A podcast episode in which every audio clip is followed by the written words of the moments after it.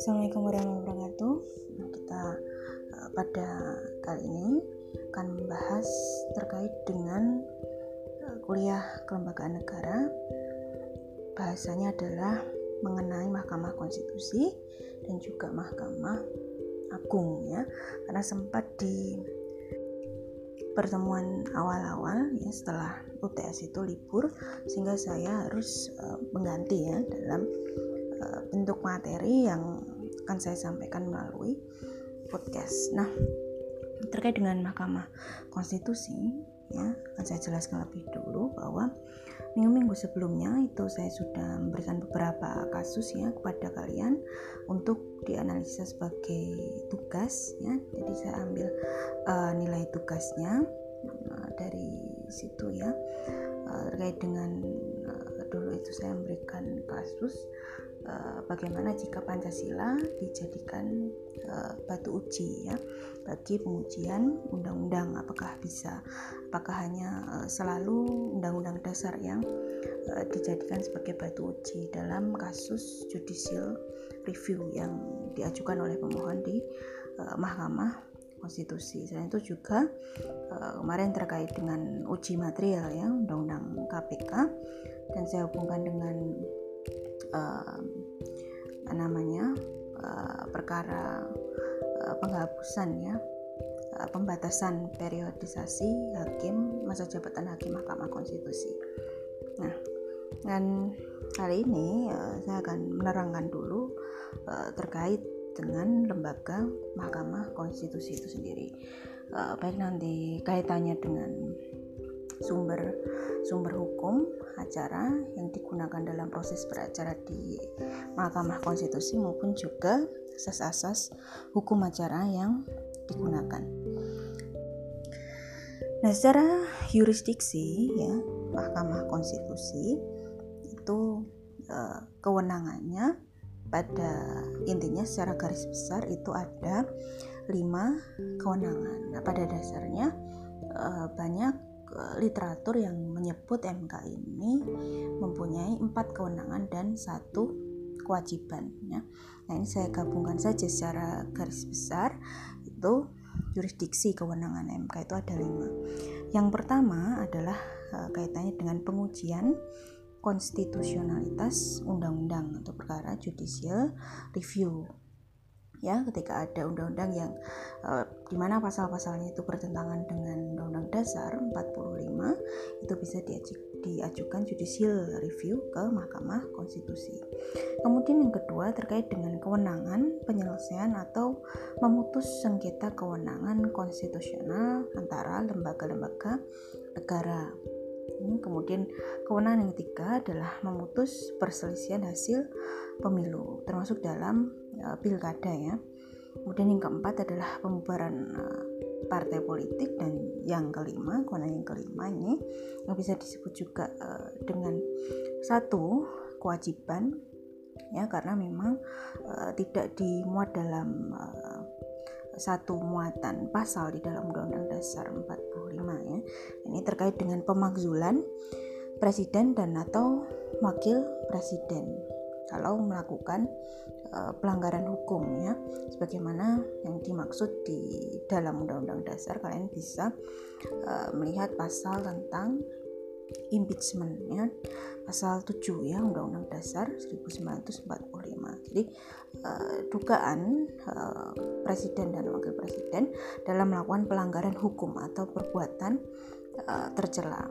Atau bisa jadi tidak memenuhi persyaratan lagi sebagai presiden dan wakil presiden. Nah, itu dapat di uh, impeachment atau dapat dituntut uh, pemberhentiannya ke MPR. Nah, namun sebelum itu harus dibawa terlebih dahulu untuk diadili uh, dugaan tersebut di Mahkamah Konstitusi. Nah, jika di Mahkamah Konstitusi kemudian terbukti secara hukum bahwa presiden atau wakil presiden tadi telah melanggar pelanggaran hukum sebagaimana yang dituduhkan oleh DPR. Nah, barulah kemudian eh, DPR ini kemudian meneruskan uh, usul pemberhentian presiden atau wakil presiden ke MPR. Hmm, jadi uh, sebelum ke MPR dibawa dari DPR ke MK dulu baru kemudian diteruskan kembali ke MPR. Nah, sebenarnya uh, kalau kita uh, bandingkan, dikomparasikan ya dengan berbagai negara-negara uh, lain itu juga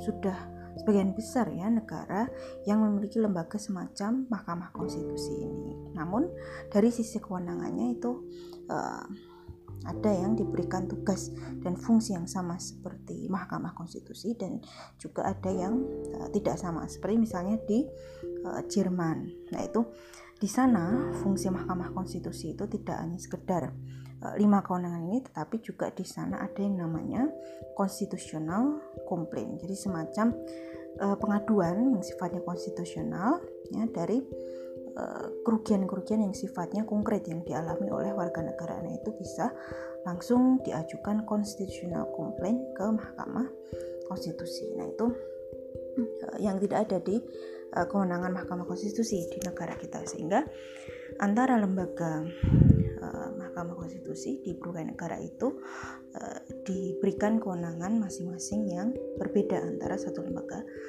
dengan lembaga yang lain. Nah, eh, dari uh, lima kewenangan tadi itu bisa ditarik ya kecuali ada impeachment tadi yang satu kewajiban tadi dari empat kewenangan MK yang dimuat di uh, pasal 24 ayat C Undang-Undang Dasar 1945 itu pada dasarnya bisa ditarik empat fungsi hakikat dari Mahkamah Konstitusi. Yang pertama adalah Mahkamah Konstitusi. Ini merupakan lembaga yang e, disebut juga sebagai pengawal konstitusi atau the guardian of constitution.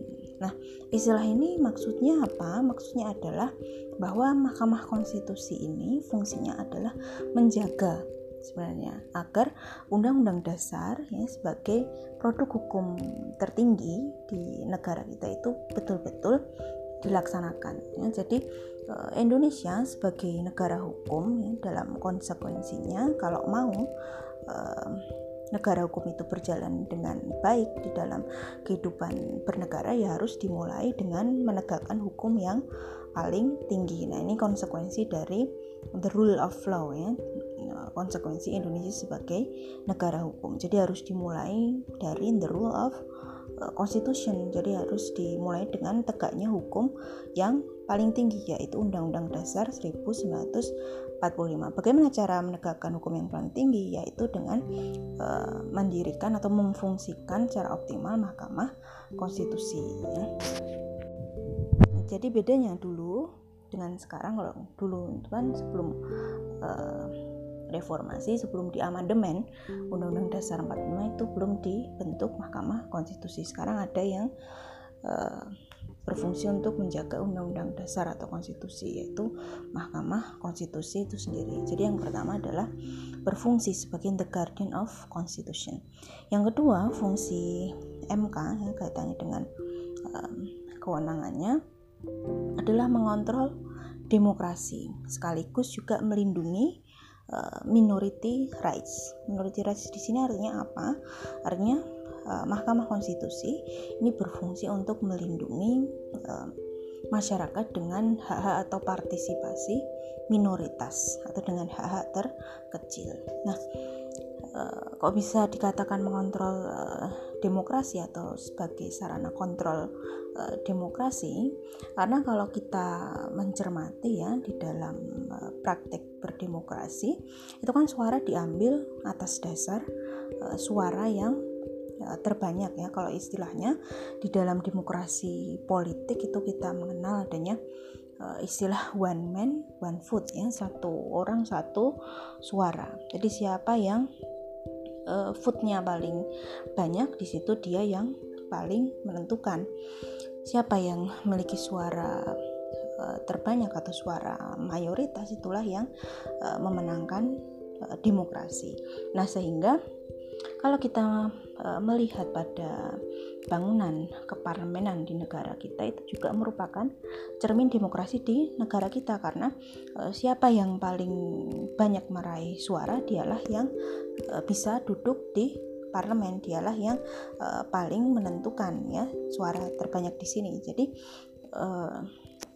di sini kemudian muncullah Mahkamah Konstitusi sebagai sarana mengontrol demokrasi. Mengapa? Karena pada dasarnya suara terbanyak yang kemudian mencerminkan demokrasi atau mencerminkan majority rights ini tidak selalu identik dengan keadilan, tidak selalu identik dengan constitutional justice, tidak selalu uh, identik dengan kebenaran. Nah, oleh sebab itu, maka penting ini untuk adanya uh, Mahkamah Konstitusi sebagai sarana untuk mengontrol demokrasi. Kalau pengambilan suara di parlemen atau demokrasi kita itu dasarnya adalah suara terbanyak, maka harus diimbangi dengan the rule of law dengan adanya uh, jaminan hak-hak asasi manusia. Misalnya eh, undang-undang itu kan uh, dibuat di parlemen ya, dibuat oleh pembuat undang-undang DPR bersama dengan pemerintah. Kemudian disahkan berdasarkan mayoritas suara terbanyak. Nah, kemudian ternyata undang-undang ini pasalnya banyak yang melanggar konstitusi atau ada yang bertentangan dengan konstitusi. Maka sebagai sarana Eh, pengontrol atau penjamin hak-hak uh, warga negara yang dirugikan uh, akibat pelaksanaan undang-undang ini ya karena dinilai dinilai melanggar konstitusi tadi kemudian harus dibatalkan harus disediakan mekanisme dalam rangka melakukan penilaian apakah undang-undang tersebut melanggar konstitusi atau tidak. Nah, jadi di sini fungsi MK itu muncul ya sebagai sarana kontrol atau kontrol balance ya terhadap demokrasi. Jadi pada intinya itu melindungi uh, minority rights atau hak uh, golongan yang sedikit yang lemah ya dalam arti apa pun dalam arti minoritas agama, etnis, uh, politik uh, maupun uh, dalam minoritas suara. Misalnya contohnya dalam beberapa uh, tahun yang lalu ya tahun 2016 itu kalau tidak salah ya ada atau dilakukan gugatan masuk ke MK ini yang dimohonkan oleh empat mahasiswa yang asalnya dari UI terkait dengan uji material Undang-Undang Nomor 1 tahun 74 ya tentang perkawinan ya dalam uh, kasus perkawinan beda agama boleh uh, atau tidak nih perkawinan uh, beda agama kemudian uh, dilegalkan oleh negara karena aturan tersebut dinilai uh, menyebabkan ketidakpastian hukum ya bagi uh, mereka yang akan melakukan perkawinan beda agama di, Indonesia. Nah ini boleh-boleh saja ya karena uh, memang Walaupun terkait dengan uji material ini kemudian ditolak oleh Mahkamah Konstitusi karena dinilai pasal 2 ayat 1 di dalam Undang-Undang Perkawinan ini kemudian tidak e, bertentangan dengan Undang-Undang Dasar 45 sebagaimana yang didalilkan pemohon. Tetapi pada intinya yang uh, bisa diambil kesimpulan di sini bahwa siapa saja uh, berhak untuk mengajukan judicial review bila mana dirasakan ada pasal-pasal di dalam suatu undang-undang yang di situ mencederai atau uh, merugikan hak-hak secara konstitusional ya yang di, sudah dijamin di dalam Undang-Undang Dasar 1945. Walaupun itu uh, pengajuannya atau permohonannya hanya dilakukan oleh segelintir uh, mahasiswa ya artinya dalam jumlah yang tidak besar hanya eh, lima orang mahasiswa yang mengajukan gugatan bisa saja uh, mengajukan permohonan ya uji material undang-undang ke Mahkamah Konstitusi. Nah itu kaitannya dengan fungsi Mahkamah Konstitusi sebagai sarana uh, kontrol demokrasi. Kemudian yang ketiga adalah dalam rangka untuk melindungi hak-hak warga negara atau citizen constitutional right ya. Nah, uh, buktinya bisa dicek ya di dalam undang-undang uh, Mahkamah Konstitusi itu setidaknya diatur empat golongan yang diberikan hak untuk mengajukan permohonan pengujian undang-undang. Jadi siapa saja yang dibolehkan untuk mengajukan permohonan di Mahkamah Konstitusi. Nah, kalian bisa lihat ya di Undang-Undang MK di pasal 51 ya ayat 1 bahwa siapa saja yang memohon uh, judicial review yang pertama adalah perorangan warga negara. Tentunya warga negara Indonesia ya jadi perorangan WNI yang dimaksud eh, dengan perorangan di sini termasuk pada kelompok orang yang memiliki kepentingan yang sama. Kemudian yang kedua adalah kesatuan masyarakat hukum adat ya sepanjang masih hidup dan sesuai dengan eh, perkembangan masyarakat dan juga prinsip di dalam NKRI. Kemudian yang ketiga adalah badan hukum publik atau privat. Kemudian yang keempat adalah lembaga negara. Nah, eh, keempat eh, pihak tersebut yang dapat mengajukan permohonan pengujian undang-undang ke Mahkamah Konstitusi itu sebagai uh, kriteria yang pertama ya terkait dengan legal standing uh, pihak pemohon. Kriteria kedua yang kaitannya dengan anggapan pemohon bahwa hak dan wewenang konstitusionalnya kemudian dirugikan atas diberlakukannya undang-undang itu meliputi beberapa hal. Yang pertama adalah adanya hak atau kewenangan konstitusional pemohon yang diberikan oleh Undang-Undang Dasar 45. Kemudian yang kedua adalah hak atau kewenangan konstitusional pemohon tersebut dianggap oleh eh, pemohon telah eh, dirugikan dengan adanya undang-undang yang sedang diuji. Kemudian yang ketiga, adanya kerugian yang sifatnya aktual ya, atau spesifik Nah, kemudian yang keempat adalah adanya hubungan sebab akibat atau kausal verban ya antara uh, kerugian dan juga diberlakukannya undang-undang yang dimohonkan untuk diuji. Dan yang kelima adalah adanya posibilitas bahwa dengan dikabulkan permohonan tersebut, maka kerugian konstitusional yang didalilkan itu tidak akan lagi terjadi. Nah, itu e, dua kriteria legal standing ya dalam berperkara di Mahkamah Konstitusi. Nah, sehingga e, sini fungsi MK dalam rangka melindungi hak-hak warga negara tercermin jelas ya dalam pengaturan legal standing di pasal 51 Undang-Undang Mahkamah Konstitusi bahwa e, masing-masing warga negara di Indonesia itu secara umum itu memiliki hak untuk memohon uh, dalam rangka pengujian undang-undang di MK. Asalkan uh, dia bisa membuktikan bahwa dia memiliki hak konstitusional sebagaimana yang dijamin di dalam Undang-Undang 45 dan yang kedua dia bisa membuktikan bahwa undang-undang dasar ya, terkait dengan pasal-pasalnya itu merugikan hak-hak konstitusionalnya itu yang kaitannya dengan fungsi MK ketiga dalam rangka melindungi hak-hak warga negara. Kemudian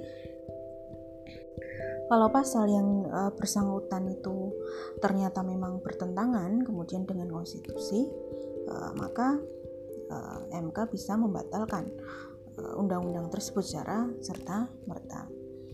Nah, itu ya. Kemudian yang keempat kaitannya dengan fungsi Mahkamah Konstitusi adalah di sini MK memiliki fungsi sebagai the final interpreter eh, atau the soul of constitution ya. Ada juga uh, literatur yang menyebutkan bahwa MK sebagai the guardian of constitution atau the protector of human rights. Jadi banyak istilahnya ya. Jadi di sini MK sebagai the final interpreter of Constitution. Jadi MK sebagai lembaga yang memiliki kewenangan sebagai penafsir akhir dari Undang-Undang Dasar. Nah sebelum reformasi kaitannya dengan uh, yang berwenang untuk penafsir ini adalah uh, eh, MPR kalau dulu ya yang berwenang uh, kemudian uh, untuk menetapkan dan juga mengubah undang-undang dasar pada waktu itu sekaligus juga Eh, dalam kewenangannya untuk menafsirkan undang-undang dasar dan waktu itu banyak membuat tap MPR ya selama masa Orde Baru. Nah setelah reformasi itu yang berwenang sebagai penafsir akhir dari undang-undang dasar itu adalah Mahkamah Konstitusi. Nah, eh, bagaimana kalau eh, lembaga-lembaga yang lain ya, misalnya DPR, Presiden itu atau para ahli hukum itu berhak atau tidak kira-kira uh, menginterpretasikan konstitusi dengan MK. Nah, jawabannya adalah uh, baik DPR, Presiden, pemerintah dan juga lembaga-lembaga yang lain, baik itu pakar hukum, dosen dan pakar-pakar yang lain itu berhak sebenarnya dalam menafsirkan undang-undang dasar. Ya, hanya kalau DPR itu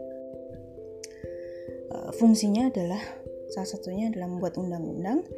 Nah, tetapi tafsir atas undang-undang dasar di sini yang dilakukan oleh DPR maupun organ yang lain itu sifatnya tidak final. Jadi yang bersifat final penafsir akhir dari undang-undang dasar itu finalnya ada di Mahkamah Konstitusi maka ada juga yang menyebutkan bahwa Mahkamah Konstitusi itu selain the final interpreter of Constitution juga the sole interpreter of Constitution. Ya, jadi di sini fungsinya adalah sebagai penafsir akhir undang-undang dasar yang sifat putusannya adalah final and binding. Nah, selanjutnya kaitannya dengan ide pembentukan atau sejarah Mahkamah Konstitusi itu sendiri ya sebenarnya ide untuk membentuk Mahkamah Konstitusi uh, itu tidak jauh dari uh, atau tidak uh, apa namanya berrelasi terlalu uh, jauh ya dari kasus dicabutnya mandat uh, sebagai presiden uh, pada masa Gus Dur dulu oleh anggota MPR ya pada tahun 2001. Nah, dulu pada waktu masa pemerintahan Gus Dur itu dalam maklumatnya menyatakan atau membubarkan eh, DPR dan MPR ya karena dinilai telah melanggar konstitusi karena melanggar sidang istimewa dalam mengadili dirinya dan kemudian dibalik lagi oleh MPR uh, kemudian bahwa Gus Dur lah yang kemudian dinyatakan telah melanggar konstitusi dengan tindakannya mengeluarkan maklumat tersebut. Nah, kemudian Eh, pembubaran eh, atau pemakzulan presiden oleh MPR ini malah dikuatkan eh, dengan fatwa dari Mahkamah Agung. Nah, dari peristiwa pemberhentian Gus Dur inilah sebenarnya cikal bakal yang melatar belakangi ya untuk kemudian diupayakanlah pembentukan kelembagaan baru pada sidang tahunan MPR berikutnya yang sekarang dikenal sebagai lembaga Mahkamah Konstitusi. Nah, kemudian pada tahun 2002 ya disahkanlah pembentukan Mahkamah Konstitusi di dalam muatan konstitusi dalam amandemen ke empat ya dengan landasan hukum pasal 24C ayat 1 dan 2 Undang-Undang Dasar 1945. Nah, sehingga kemudian eh, di dalam amandemen Undang-Undang Dasar 45 yang keempat itu juga diatur mengenai mekanisme penyelesaian konfliknya terutama konflik yang kaitannya dengan soal pemberhentian presiden atau impeachment agar uh, tidak hanya diadili secara politik namun juga diadili secara hukum ya oleh Mahkamah Konstitusi. Sehingga Mahkamah Konstitusi kemudian diberikan salah satu kewajiban uh, yang sifatnya politik dan juga menjadi ranah kewenangan dari Mahkamah Konstitusi yang di, kemudian diatur di dalam pasal 7 nah, Undang-Undang Dasar 1945 terkait dengan impeachment. Meskipun tidak disatukan dengan empat kewenangan Mahkamah Konstitusi yang lain. Jadi empat kewenangan yang diatur di dalam pasal 24C Undang-Undang Dasar 45 ini kemudian yang uh, sebagian literatur itu menyebutkan uh, atau uh, mengasumsikan dengan istilah constitutionally entrusted powers ya atau keempat kewenangan konstitusional yang diberikan kepada MK sedangkan satu uh, yang sifatnya kewajiban itu disebut sebagai constitutional obligation ya yang kaitannya dengan proses uh, impeachment atau proses pemakzulan uh, presiden. Nah, jadi sebagian uh, besar perkara yang diajukan ke MK itu adalah perkara pengujian undang-undang atau judicial review.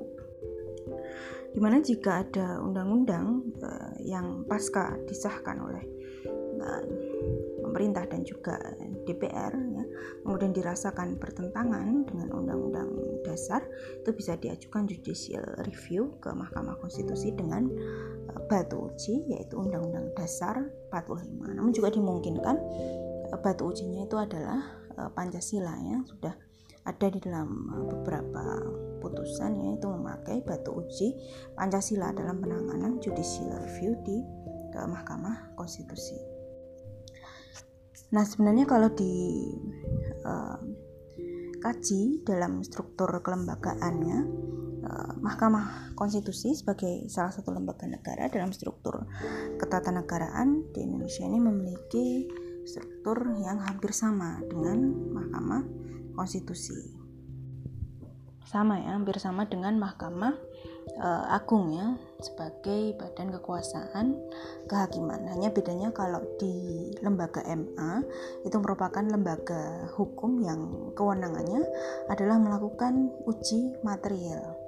Tapi sebatas pada peraturan uh, perundang-undangan yang posisinya uh, berada di bawah undang-undang dan batu ujinya bukan undang-undang dasar 45 seperti DMA di MK maksud saya tetapi batu ujinya yang digunakan adalah undang-undang. Jadi bedanya dengan uh, eh, MA dengan MK, MK itu batu ujinya adalah undang-undang dasar, sedangkan kalau MA itu uh, salah satu kewenangannya adalah uh, melakukan uji material ya terhadap peraturan perundang-undangan yang uh, berada di bawah undang-undang terhadap undang-undang. Nah, sebenarnya ide dasar dari Mahkamah konstitusi ini pernah juga ya disinggung uh, oleh Muhammad Yamin dalam sidang BPU PKI. Ya.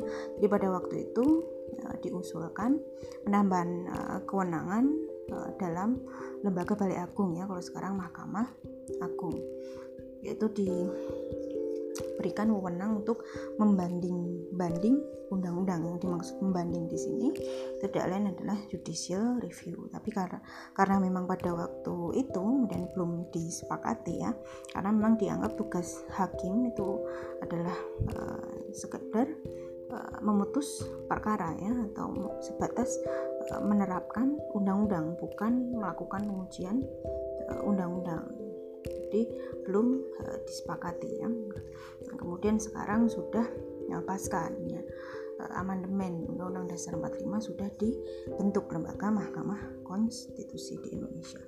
Nah terkait dengan uh, asas-asas ya asas-asas ber, asas-asas berperkara di dalam uh, konteks Mahkamah Konstitusi itu secara universal itu adalah ada beberapa uh, asas yang digunakan ya dalam ber, ber, di dalam beracara di Mahkamah Konstitusi. Yang pertama adalah asas persidangan terbuka untuk umum. Ya. Jadi semua eh, persidangan di dalam Mahkamah Konstitusi itu diselenggarakan secara terbuka untuk umum. Ya. Ini landasan hukumnya ada di pasal 40 ayat 1 Undang-Undang Mahkamah Konstitusi. Namun terkait dengan uh, implementasi pasal uh, atau asas ini ya, mohon maaf asas uh, persidangan terbuka untuk umum ini uh, memang beberapa tahun yang lalu itu sempat dibahas ya dalam revisi eh, undang-undang Mahkamah Konstitusi ke depan bahwa dimungkinkan itu dilakukan secara tertutup agar pasal-pasal yang nantinya dibahas dalam judicial review itu kemudian tidak menimbulkan kesalahpahaman di tengah masyarakat. Namun bisa juga ya dalam hal Mahkamah Konstitusi melanggar sidang tertutup seperti dalam kasus tahun lalu tahun 2019 itu sidang uh, yang digelar uh, dalam rapat permusyawaratan hakim atau RPH itu diselenggarakan secara tertutup ya kaitannya dengan perselisihan hasil pemilu presiden tahun 2019. Kemudian yang kedua adalah asas independen dan imparsial. Nah, ini uh, ada landasan hukum atau dasar hukumnya di pasal 2 Undang-Undang Mahkamah Konstitusi. mana dimuat di dalam bunyi eh, pasal tersebut bahwa Mahkamah Konstitusi merupakan salah satu lembaga negara yang melakukan kekuasaan kehakiman yang merdeka dalam rangka menyelenggarakan peradilan guna menegakkan hukum dan keadilan itu yang uh, asas kedua ya tentang asas independen dan juga imparsialitas kemudian yang ketiga itu adalah uh, asas yang menyatakan bahwa peradilan dilaksanakan secara cepat, sederhana, dan murahnya ini juga ada landasan hukumnya di uh, pasal 4 ayat 2 Undang-Undang Kekuasaan Kehakiman. Kemudian selanjutnya adalah hak untuk didengar secara seimbang. Ini merupakan asas yang cukup penting ya dalam proses berperkara di Mahkamah Konstitusi yang dikenal sebagai asas audi et alteram partem di mana dalam proses uh, pengujian perkara undang-undang di Mahkamah Konstitusi uh, pihak pemohon uh, maupun juga pemerintah maupun juga DPR atau pihak-pihak yang terkait uh, dengan undang-undang yang dimohonkan itu diberikan hak yang sama untuk didengar ya oleh hakim.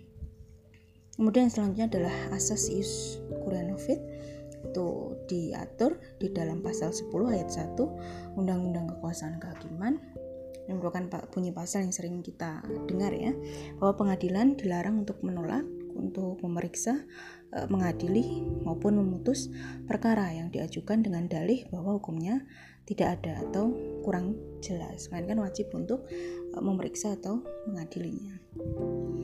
Nah, selanjutnya eh, terkait dengan siapa saja yang boleh mengajukan permohonan itu sebagaimana yang sudah saya jelaskan tadi dijelaskan dalam pasal 51 ya ayat 1 Undang-Undang Mahkamah Konstitusi junto pasal 3 PMK nomor 6 tahun 2005 bahwa di sini yang dimaksud sebagai pemohon tidak lain adalah pihak yang menganggap hak dan atau kewenangan konstitusionalnya itu diasumsikan merugikan ya dalam keberlakuan undang-undang tersebut. Nah, ini bisa diajukan oleh perorangan WNI, bisa diajukan oleh Kesatuan Masyarakat Hukum Adat sepanjang masih hidup dan sesuai dengan perkembangan NKRI.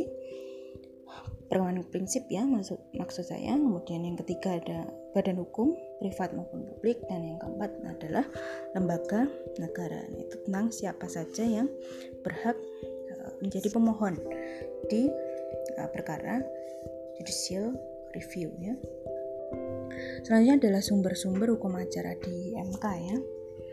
Ini bisa kalian uh, browsing dan juga baca bahwa banyak sebenarnya sumber-sumber hukum acara yang digunakan dalam proses berperkara di Mahkamah Konstitusi. Yang pertama adalah Undang-Undang Dasar 45 kemudian Undang-Undang uh, nomor 24 tahun 2003 kemudian ada juga eh, PMK atau peraturan Mahkamah Konstitusi ini banyak ya PMK yang digunakan sebagai uh, landasan hukum dari berperkara di atau beracara di MK kemudian selanjutnya adalah putusan MK dan juga termasuk konvensi atau perjanjian internasional. Nah Beberapa PMK yang digunakan sebagai landasan berperkara di Mahkamah Konstitusi itu meliputi uh, yang paling sering digunakan adalah PMK nomor 006 ya, garing PMK nomor eh, garing 2005 ya. Nah, ini tentang pedoman beracara dalam perkara pengujian undang-undang. Kemudian yang kedua adalah eh, PMK nomor 008 eh, ini tahun 2006 tentang pedoman beracara dalam perkara sengketa kewenangan konstitusional lembaga negara. Kemudian ada juga PMK nomor 15 tahun 2008 tentang pedoman beracara dalam kasus perselisihan hasil pemilu kepala daerah atau pilkada. Kemudian juga PMK nomor 17 tahun 2009 ini juga uh, mengatur pedoman beracara perselisihan hasil pemilu presiden atau wakil presiden. Kemudian BMK nomor 16 tahun 2009 ini juga mengatur pedoman beracara uh, DPR uh, dalam perselisihan hasil pemilu ya antara DPR, DPD maupun DPRD. Kemudian selanjutnya adalah PMK nomor 19 ini PMK tahun 2009 tentang tata tertib persidangan Yang terakhir adalah PMK nomor 21 tahun 2009 terkait dengan impeachment ya. Itu terkait dengan kewajiban MK dalam memutus pendapat DPR tentang dugaan uh, pelanggaran hukum atau perbuatan tercela yang dilakukan oleh presiden atau wakil presiden. Nah, kalian bisa mencari sumber-sumber hukum uh, beracara MK yang lain. Ini hanya beberapa atau sebagian yang saya sebutkan.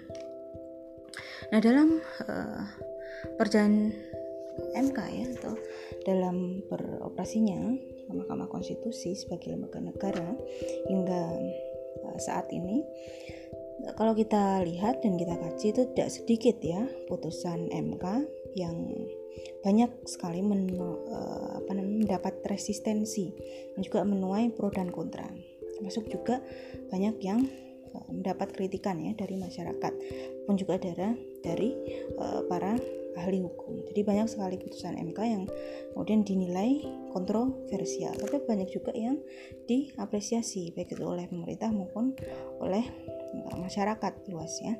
Termasuk yang terakhir ini terkait dengan revisi undang-undang KPK ini bukan salah satu putusan MK yang dinilai kontroversial ya, oleh uh, masyarakat ya. Biasanya seluruh gugatan uji formil itu ditolak oleh hakim konstitusi dan juga uh, dalam uh, salah satu amar uh, putusan MK ya yang menyatakan bahwa KPK itu dalam uh, melakukan penggeledahan, penyadapan, penyitaan itu harus uh, izin terlebih dahulu dengan dewan pengawas.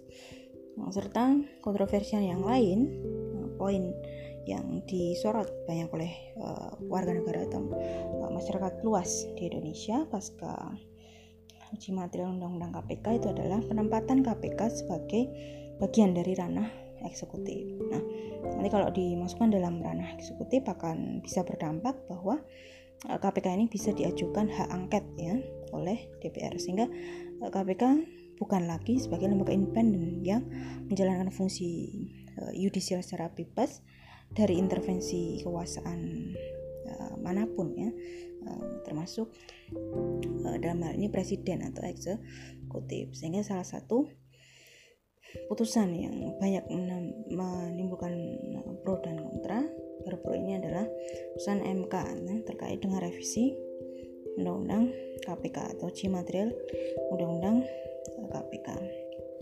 Nah kasus lain yang tidak kalah kontroversial misalnya beberapa tahun lalu ya dengan kasus LGBT atau pada tahun sekitar tahun berapa ya 2013 ya kalau tidak salah. Itu putusan MK itu e, memutuskan peninjauan kembali atau upaya hukum luar biasa. Peninjauan kembali itu bisa dilaksanakan lebih dari sekali. Nah ini menimbulkan banyak kerancuan ya karena tidak e, harmonis ya atau menimbulkan disharmonisasi hukum dengan Mahkamah Agung ya. Nah, itu dipicu oleh kasus Nasruddin eh, Zulkarnain ya yang kemudian bisa melakukan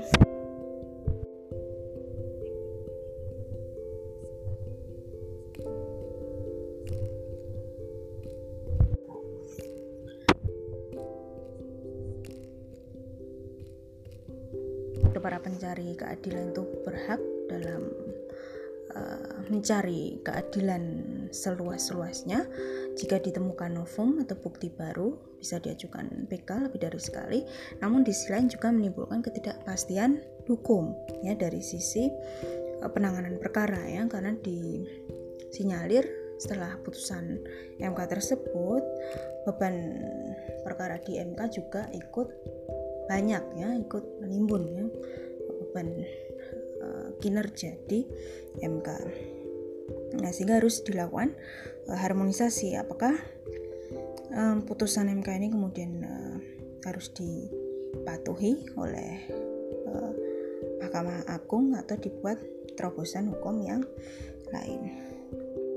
Nah, termasuk juga kasus-kasus yang menimbulkan polemik ya atau kontroversi yang lain banyak juga yang menimbulkan uh, apresiasi ya. Misalnya perjanjian uh, perkawinan yang terkait dengan perjanjian perkawinan ini bisa diubah ya setelah perkawinan. Jadi uh, tidak harus dilakukan sebelum perkawinan tapi setelahnya bisa dibuat atau diubah.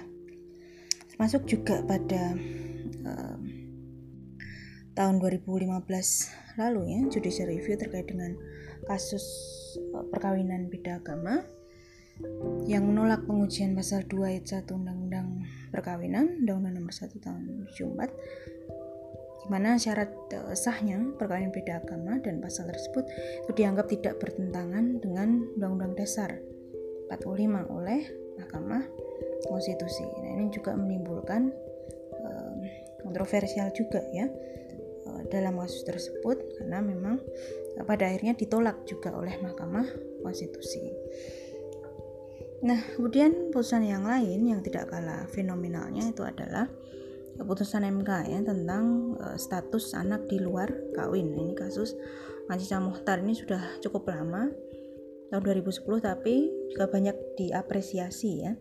Nah, di satu sisi itu dianggap uh, melegalkan perzinahan karena toh uh, anak hasil artinya anak hasil hubungan gelap atau anak di luar kawin itu bisa diakui secara hukum. Otomatis pernikahan orang tuanya walaupun tidak e, menikah itu dianggap ya, menikah secara hukum. Nah, itu ya itu diasumsikan salah satu sisi melegalkan e, perzinahan. Walaupun tidak menikah orang tuanya anaknya bisa diakui secara hukum. Nah di sisi lain juga Eh, di sini maksud dan intensi dari MK ini adalah sebenarnya memberikan perlindungan hukum ya terkait dengan nasab dan juga waris kepada anak di luar nikah. Karena memang banyak sekali anak di luar nikah atau di luar kawin yang kemudian tidak menjelaskan eh, tidak mendapatkan kepastian hukum ya tidak mendapatkan kejelasan ya atau tidak uh,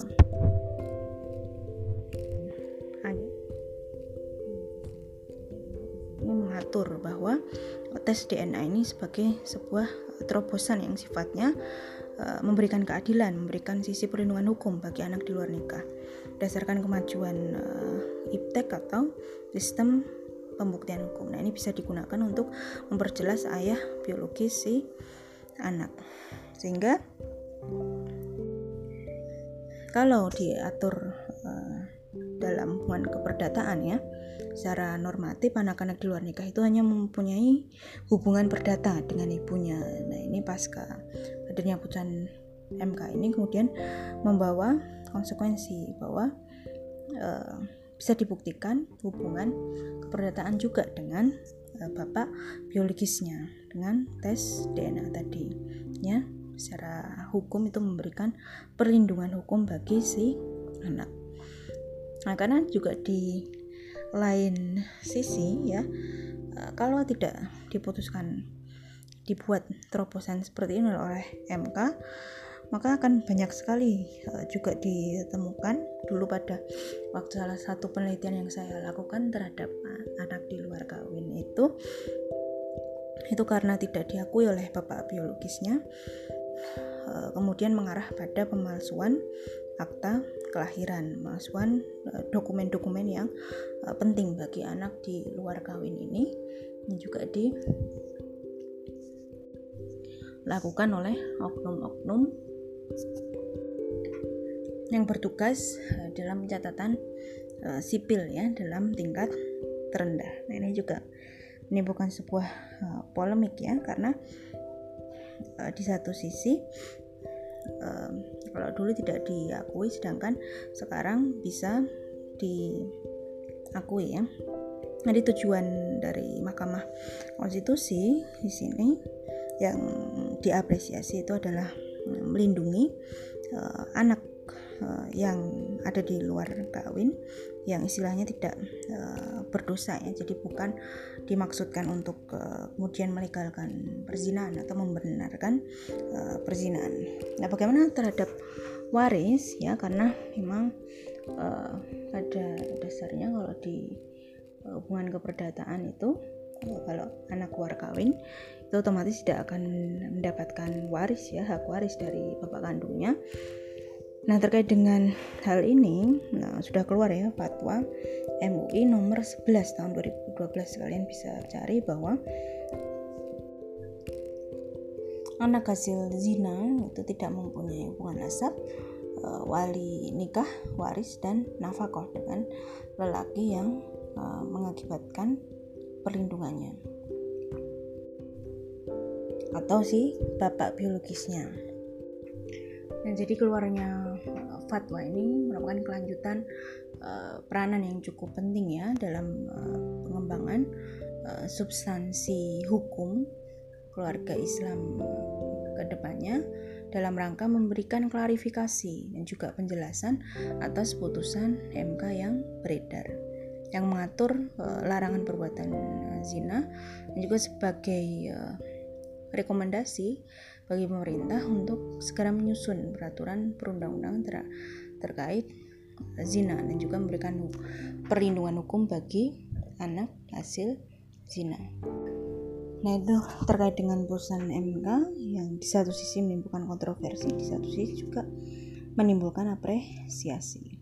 Nah, selanjutnya juga ada di um, dalam kasus penghapusan uh, salah satu ayat ya dalam undang-undang MK yaitu pasal 59 ayat 2 ini lantaran keluarnya putusan MK nomor 49 PUU 9 garis eh, miring 2000 tahun 2011 terkait dengan penghapusan ayat dalam pasal 59 undang-undang eh, MK Undang-Undang nomor 7 tahun 2020 tentang MK ini terkait dengan uh, penindak lanjutan putusan MK oleh DPR dan juga DPR uh, eh, oleh pemerintah ya pasca uh, keluarnya undang-undang uh, Cipta Kerja yang dinilai menimbulkan banyak resistensi dari masyarakat. Nah, kemudian dihapuskanlah uh, ayat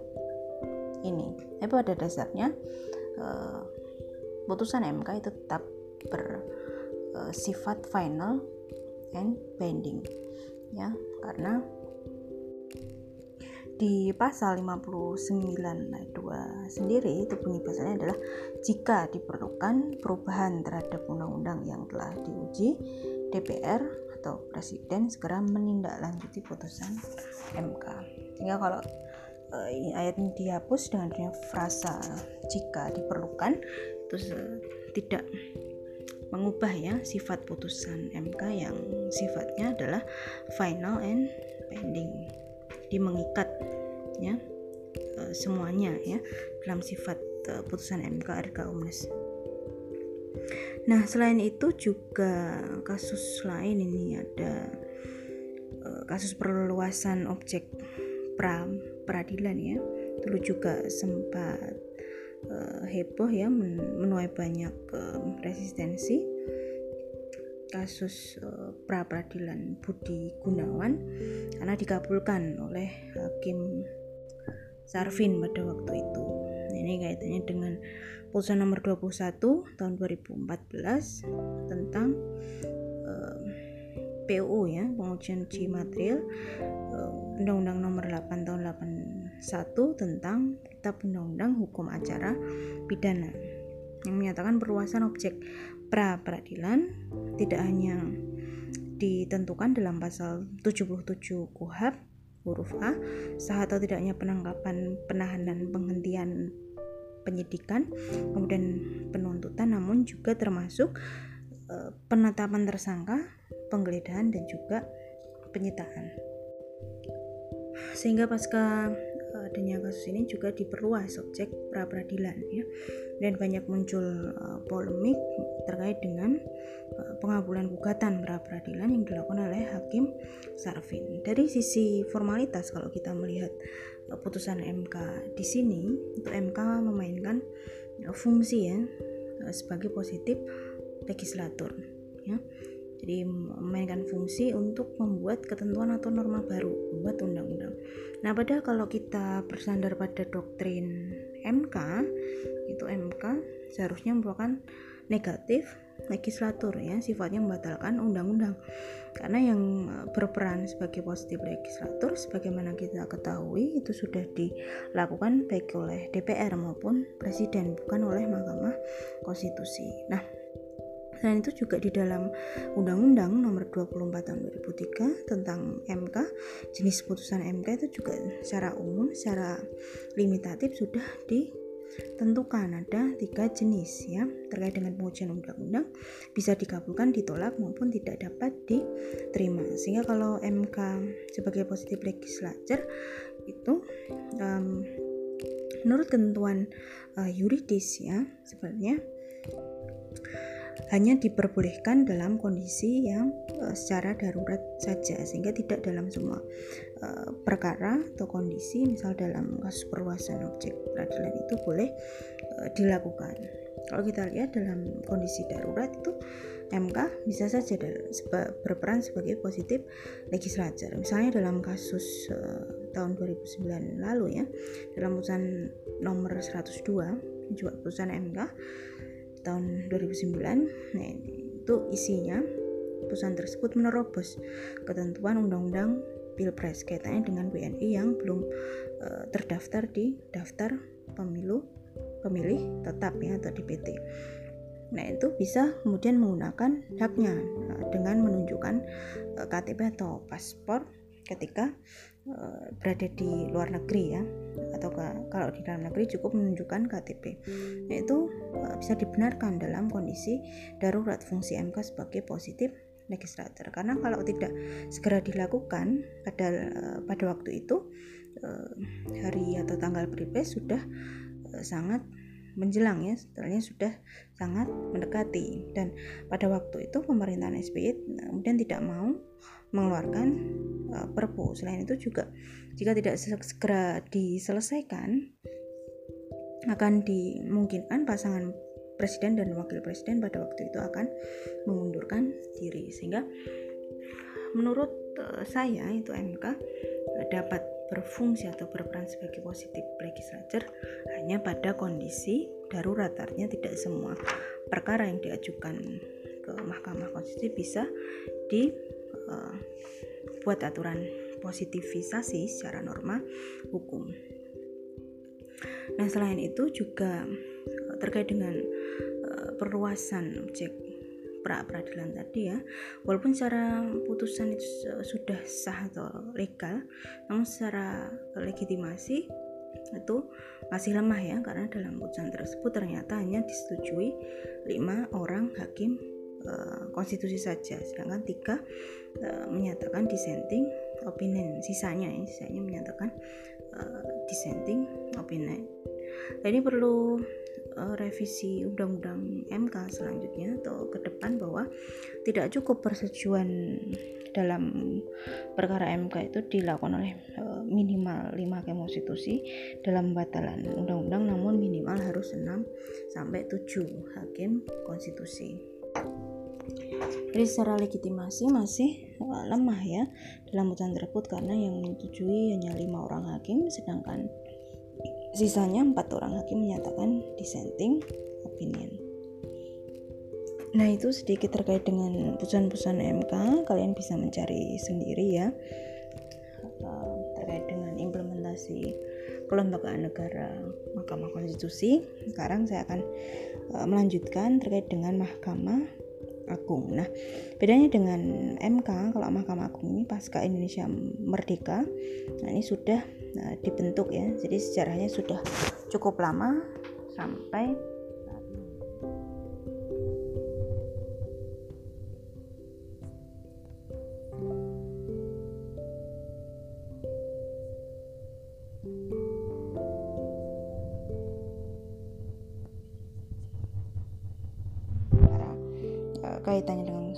struktur tugas wewenang akan saya sampaikan secara umum saja.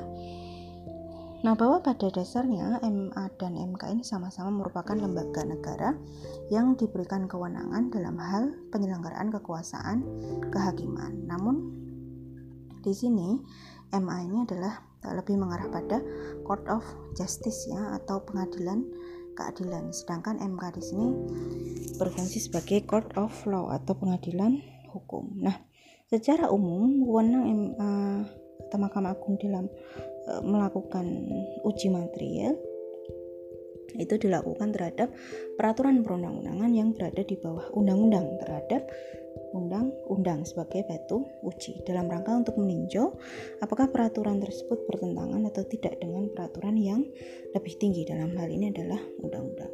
Nah, kemudian eh, struktur MA sendiri itu membawai eh, empat lingkungan peradilan yang berada di bawahnya yang meliputi peradilan umum, kemudian peradilan agama, peradilan militer dan juga peradilan tata usaha negara.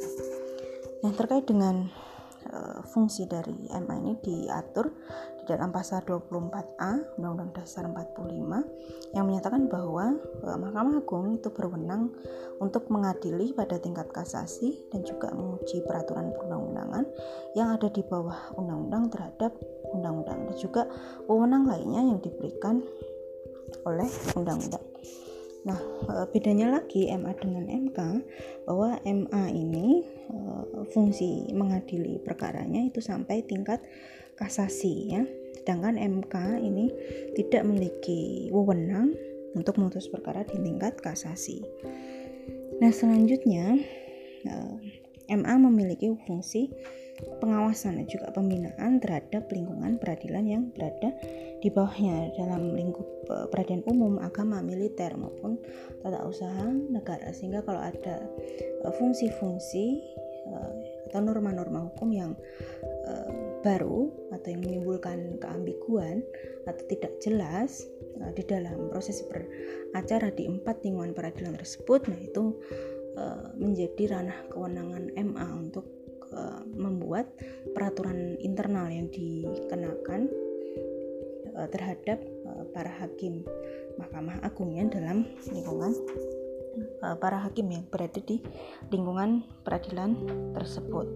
Nah, jadi uh, memang juga uh, dalam uh, banyak uh, kasus itu ya mengeluarkan SEMA ya surat edaran Mahkamah Agung atau PERMA dalam rangka membuat terobosan-terobosan hukum jika terjadi keambiguan ya dalam uh, pengaturan hukum yang baru atau norma hukum yang baru jika ada undang-undang yang uh, baru misalnya kaitan dengan uh, PK ya PK lebih dari sekali itu kemudian MA mengeluarkan SEMA tidak lama setelah itu untuk mengatur kebijakan internal yang ada di ranah hakim sendiri dalam rangka menguji upaya hukum peninjauan kembali. Nah, jadi EMA di sini adalah sebagai puncak keadilan atau court of justice yang uh, mengadili uh, keadilan. Sehingga mempunyai uh, produk putusan yang sifatnya adalah interpartis. Artinya putusan uh, hanya uh, menyangkut uh, antara pihak-pihak yang berperkara saja. Beda dengan di MK ya. Mengadili undang-undang dalam wewenangnya kemudian uh, bersifat uh, court of law mahkamah hukum dan sifat putusannya di sini adalah erga omnes artinya putusannya itu diberlakukan kepada semuanya artinya tidak hanya mencakup pihak-pihak yang berperkara saja kita juga final and binding ya akhir dan juga mengikat semuanya atau RK omnes. Nah itu sedikit tentang Mahkamah Agung ya. Kalian bisa mencari kaitannya dengan problematika-problematika apa yang dihadapi oleh Mahkamah Agung selama ini dalam putusan-putusannya atau dalam sengketa yang kaitannya dilakukan oleh lembaga negara yang lain? Misalnya kaitannya dengan uh, tadi sudah saya jelaskan putusan MK bagaimana bila menabrak salah satu uh, dari uh, pasal di dalam undang-undang kekuasaan kehakiman atau undang-undang MA apakah uh, tetap menurut pada undang-undang atau ikut pada uh, patuh pada putusan yang sudah dikeluarkan oleh MK bagaimana uh, posisi MK itu sebagai uh, pembuat norma hukum baru yang menggantikan undang-undang nah kalian bisa mencari sendiri banyak uh, problematika-problematika yang dihadapi oleh Mahkamah Agung dalam kasus-kasusnya. Nah, mungkin itu saja ya terkait dengan uh, pembahasan kita pada kali ini. Terima kasih atas atensi mendengarkan. Assalamualaikum warahmatullahi wabarakatuh.